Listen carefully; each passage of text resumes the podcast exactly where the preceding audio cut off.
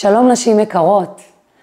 הגמרא מספרת לנו על רבי יוסף, שבחג השבועות היה עורך סעודה גדולה, ואומר, אם לא יום זה שגרם, אם לא חג השבועות, החג שבו קיבלנו את התורה הקדושה, היו עוד הרבה יוסף בשוק. זאת אומרת, אם לא התורה הקדושה שמעצימה אותי, שנותנת לי כוח, שהופכת אותי להיות מי שאני, הייתי כמו עוד יוסף בשוק, לא היה בי משהו מיוחד, לא היה לי את העוצמה שלי, לא הייתי רב, לא הייתי מי שאני, ולכן הוא חגג את חג השבועות בצורה מיוחדת. אנחנו עוד מעט נראה איך התורה הקדושה מעניקה לכל אחת מאיתנו כוח להיות ייחודית, ללכת עם ראש זקוף, ובעצם מעצימה אותנו.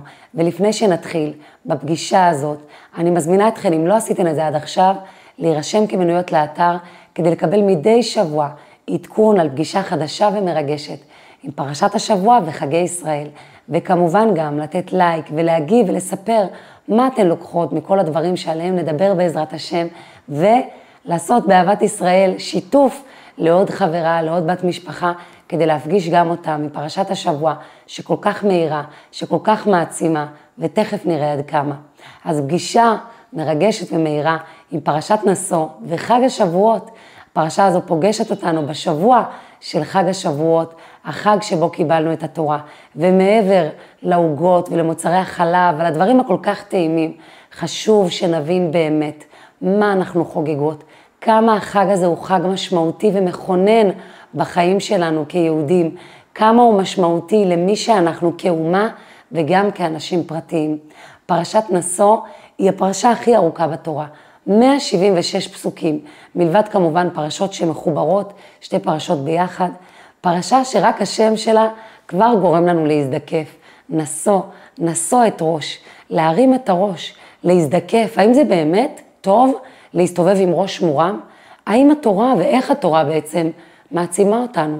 כי כמו שאנחנו רואות, הקדוש ברוך הוא נתן לעם ישראל את התורה אחרי שהם היו מאוחדים ויחן שם ישראל נגד ההר, ויחן בלשון יחיד כאיש אחד בלב אחד. זאת אומרת, הם היו מאוחדים עד כדי כך שהם הפכו לאחד. אז איפה אנחנו רואים פה העצמה? ואיפה אנחנו רואים פה ייחודיות? איפה אנחנו רואים פה התייחסות אישית לכל אחד ואחד, כשבעצם הם נקראים ויחן כאיש אחד בלב אחד? וזה יפה לראות שרק בפרשה הקודמת ראינו את השילוב המדהים. מצד אחד, כמו שאנחנו רואים ואיך התורה ניתנת, ויחן. הקדוש ברוך הוא רוצה והוא מציב את זה כתנאי לקבלת התורה, שנהיה מאוחדים. זה תנאי לקבלת התורה, אבל בעצם גם התורה היא מה שמאחד אותנו לדורות.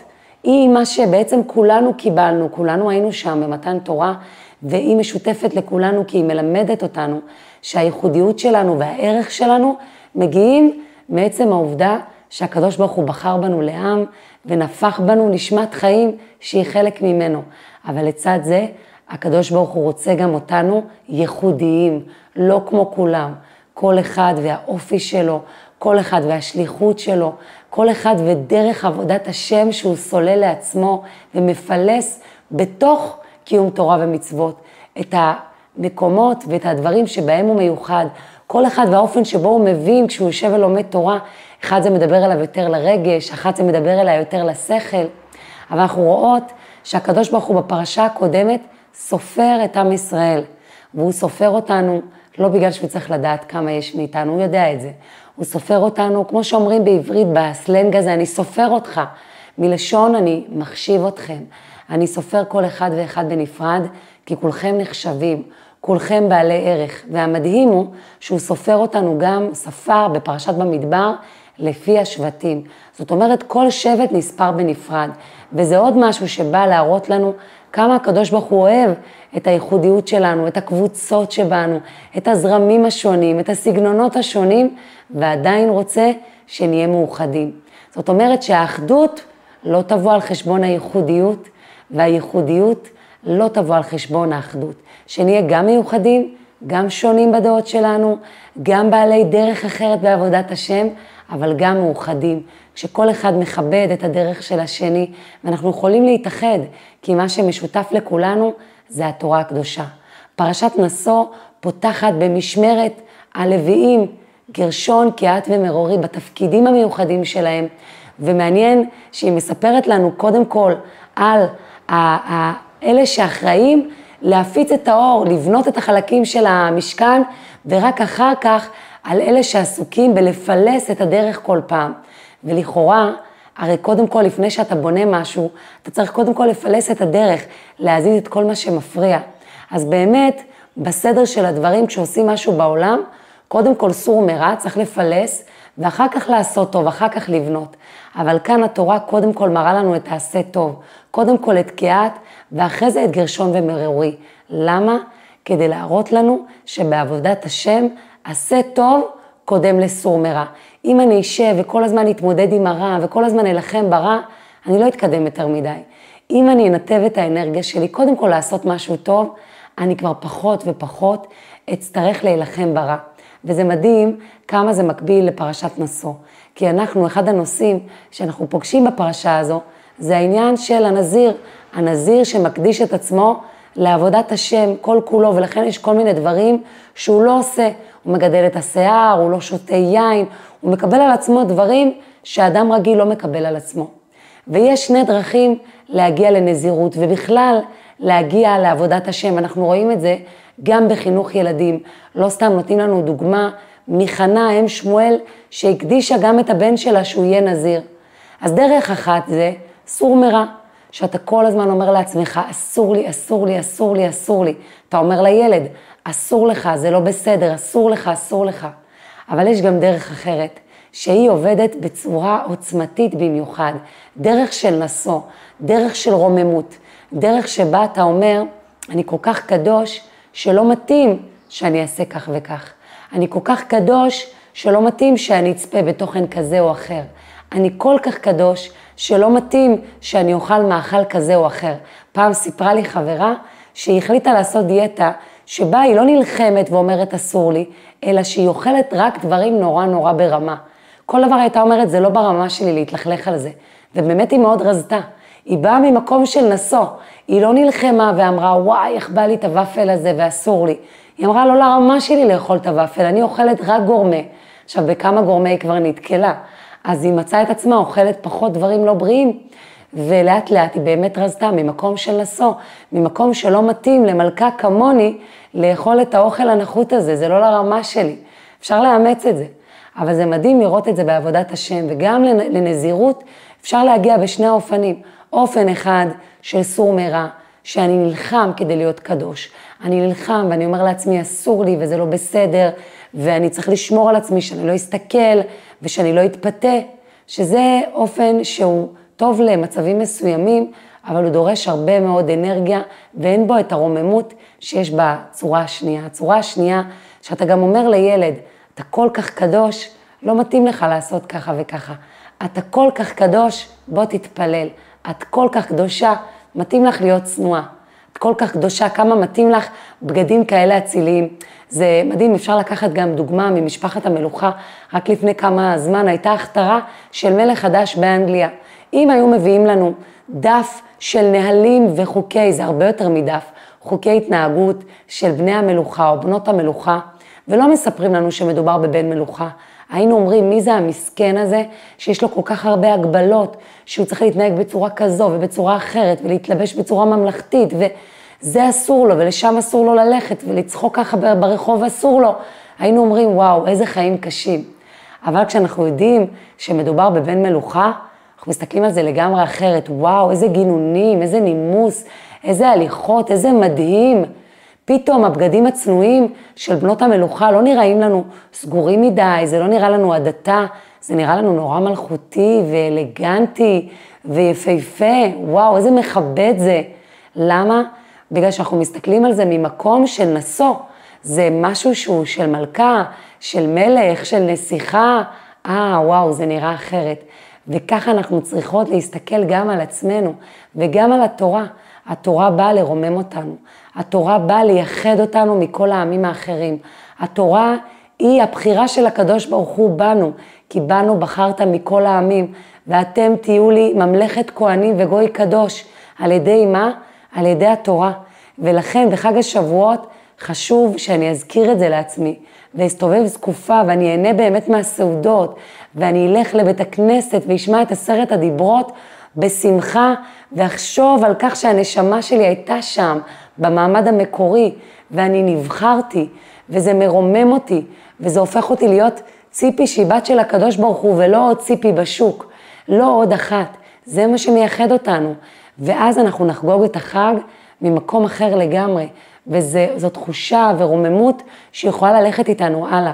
להסתובב עם ראש מורם כל הזמן, גם בחג השבועות וגם ביומיום, בהבנה שאני חלק מהעם הנבחר של הקדוש ברוך הוא, שאני קיבלתי את התורה, אני הייתי שם במעמד הר סיני, שהקדוש ברוך הוא בחר בי, שהתורה מרוממת אותי, שהקדוש ברוך הוא רוצה אותי מאוחדת עם כולם, אבל הוא רוצה אותי גם מיוחדת, ולכן סופר אותי בנפרד כמו שאני, והרבה יותר קל להתנהג כמו שצריך, והרבה יותר קל גם לחנך ילד כשבאים מהגישה שאתה כזה קדוש, שמתאים לך לעשות ככה, ואתה כזה, כזה קדוש שלא מתאים לך לעשות ככה וככה.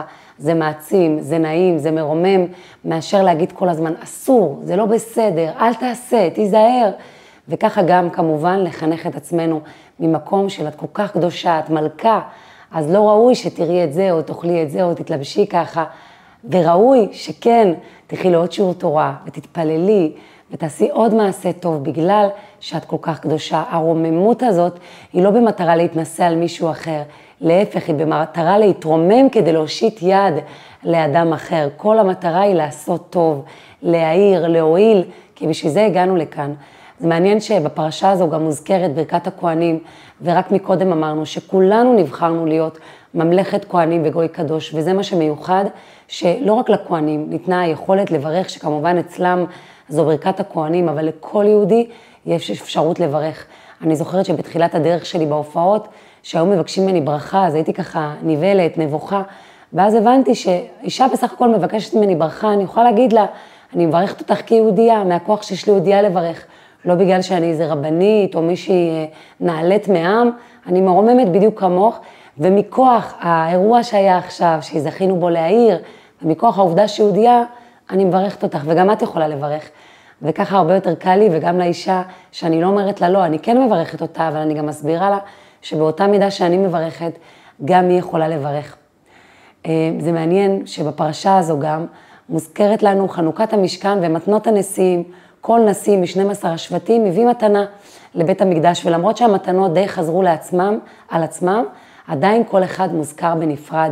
וזה גם מראה לנו שכשאנחנו עושים משהו, אנחנו מקיימים מצווה שאולי גם אדם אחר קיים, או גם יחסית לעצמנו, אני עושה משהו שעשיתי גם אתמול, כל פעם זה נספר מחדש, זה ייחודי, זה מוזכר, זה אף פעם לא חוזר על עצמו, ולכן חשוב שלא נזלזל בעצמנו, שלא נגיד, טוב, גם הוא עושה את זה, טוב, כבר עשיתי את זה אתמול.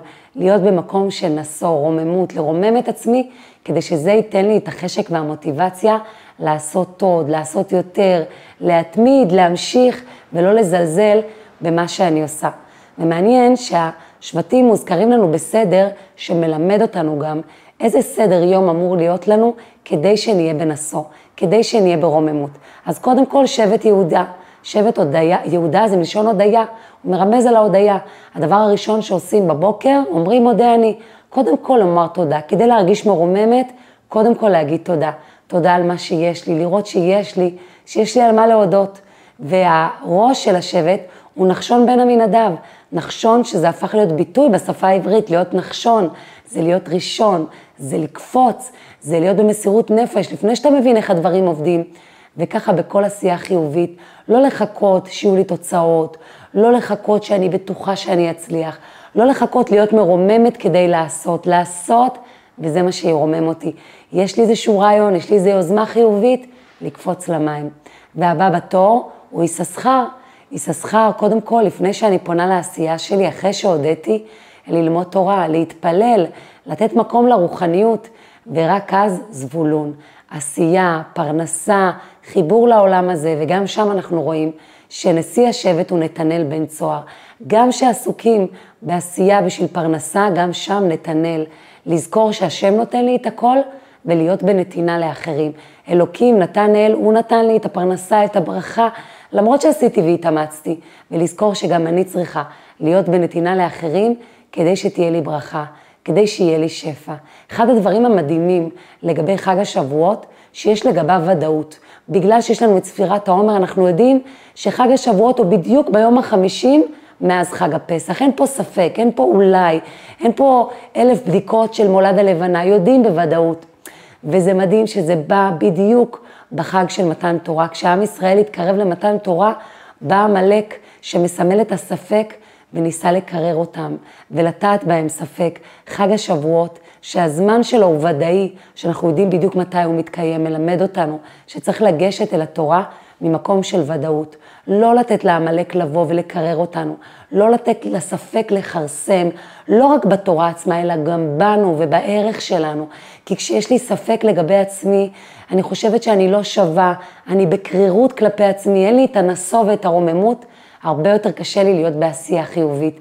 כשאני בוודאות לגבי הערך שלי, לגבי זה שצריכים אותי פה, לגבי זה שכל מעשה שלי הוא נחשב, יש לי הרבה יותר כוח והרבה יותר מוטיבציה לעשות, להעיר, להשפיע טוב על העולם, ולכן חשוב שנהיה בוודאות, גם לגבי הערך העצמי שלנו, גם לגבי התורה, גם לגבי החשיבות של כל מצווה שאנחנו מקיימות, בוודאות שזה מאיר את העולם כולו. לא לתת לעמלק, לא לתת לספק להיכנס ולקרר ולכרסם.